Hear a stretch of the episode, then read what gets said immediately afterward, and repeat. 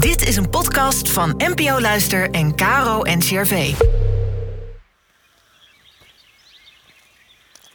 Welkom bij de Kloostercast. De podcast met antwoorden op alledaagse levensvragen vanuit de kloostertraditie.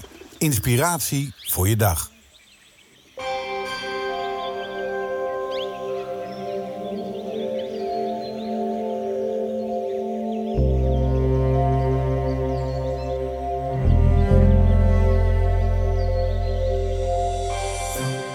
Zuster Monica Rase is canonicus van het Heilig Graf.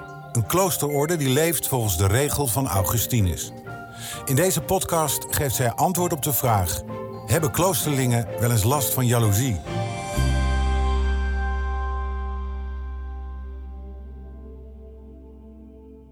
De korte en krachtige tekst Bemin en doe dan wat je wilt is van Augustinus. In de kloosterregel wordt het omschreven als één van hart en één van ziel op weg naar God. Die korte tekst van Augustinus, bemin en doe dan wat je wilt, lijkt heel eenvoudig. Doen wat je wilt, dat wil toch iedereen? Maar dat kun je volgens Augustinus alleen doen als je begint met de ander te beminnen. In de betekenis van naaste liefde.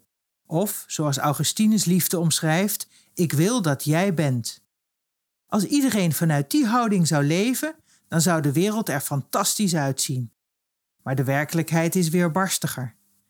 Onze kloosterregel, één van hart en één van ziel op weg naar God, heeft ook met onderlinge liefde te maken. In de Bijbel staat: God is liefde. En Augustinus draait dat om. Liefde is God. Dat betekent dat die kloosterregel ons oproept om gezamenlijk op weg te gaan naar die liefde, naar God, om Gods liefde in ieder mens te doen bloeien.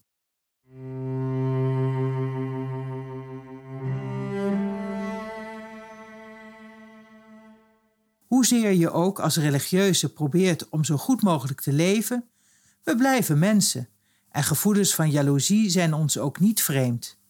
Vaak is die moeilijkheid iets dat raakt aan je eigen karakter. Mijn ervaring is dat je als gemeenschap van zusters ieder je eigen talenten inbrengt en met elkaar is dat meer dan de som der afzonderlijke delen. Toch blijft het gevoel dat je eigenlijk graag dat ene talent van die ander wilt hebben, ook al heb je het niet nodig. Met jouw eigen talent heb je ook jouw eigen rol in de gemeenschap. Zelf ben ik geen talentvolle zangeres, terwijl we viermaal per dag in de kerk de psalmen zongen. Toen was ik heus wel eens jaloers op degenen die dat wel kunnen. Het gaf me het gevoel dat ik niet volledig bij de gemeenschap hoorde. Lukt het je echter om dat talent aan die ander te gunnen omdat je wilt dat zij ten volle tot haar recht komt, dan verdwijnt die jaloezie en kun je genieten van wat die ander inbrengt in de gemeenschap. De eerlijkheid gebiedt me te zeggen dat ik er wel naar streef, maar dat het me ook niet altijd lukt. Maar oefening baart kunst. Zelf hoop ik dat die ander jou je eigen talent gunt en dat je daardoor samen tot grotere dienst aan God en aan elkaar komt. Datzelfde zou ook gelden voor de samenleving. Samen kunnen we veel meer dan elk individu afzonderlijk en het zou mooi zijn als ons dat meer en meer lukt. Dat kan pas wanneer we elkaar gunnen dat ieder zijn of haar eigenheid heeft en dat die aanvullend kan zijn op jouw eigen mogelijkheden.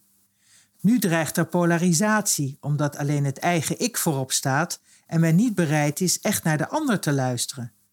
Daardoor is het lastig om in te zien dat die ander jouw talenten aanvult en dat je samen meer weet en meer kunt. Wanneer je beminnen op de eerste plaats zet en ervoor zorgt dat de ander er ten volle mag zijn, met zijn of haar goede en minder goede eigenschappen, dan kun je daarna doen wat je wilt. Hoe mooi kan dat zijn? Uit een preek van Augustinus op Psalm 80. De mensen zeggen: De tijden zijn slecht, de tijden zijn zwaar. Laten we goed leven en de tijden zullen goed zijn. Want de tijd, dat zijn wij. En zoals wij zullen zijn, zijn de tijden. Waarom zijn we bedroefd en maken ons beklag bij God? Men zegt omdat de wereld slecht is. Maar wat is een slechte wereld? Toch niet de hemel of de aarde of het water? Toch niet de vissen of de vogels of de bomen? Die zijn alle goed. Maar slechte mensen maken de wereld slecht. Gebed van Augustinus uit de Belijdenissen. Mogen wij in u volkomen gelukkig worden, want gij hebt ons geroepen om arm van geest te zijn, zachtmoedig, treurend, hongerend en dorstend naar gerechtigheid, barmhartig, zuiver van hart en vreedzaam.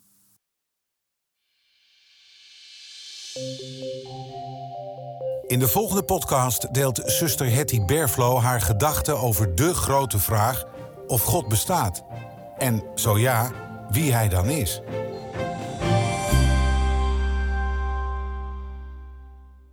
Dit was een podcast van NPO Radio 5 en KRO NCRV.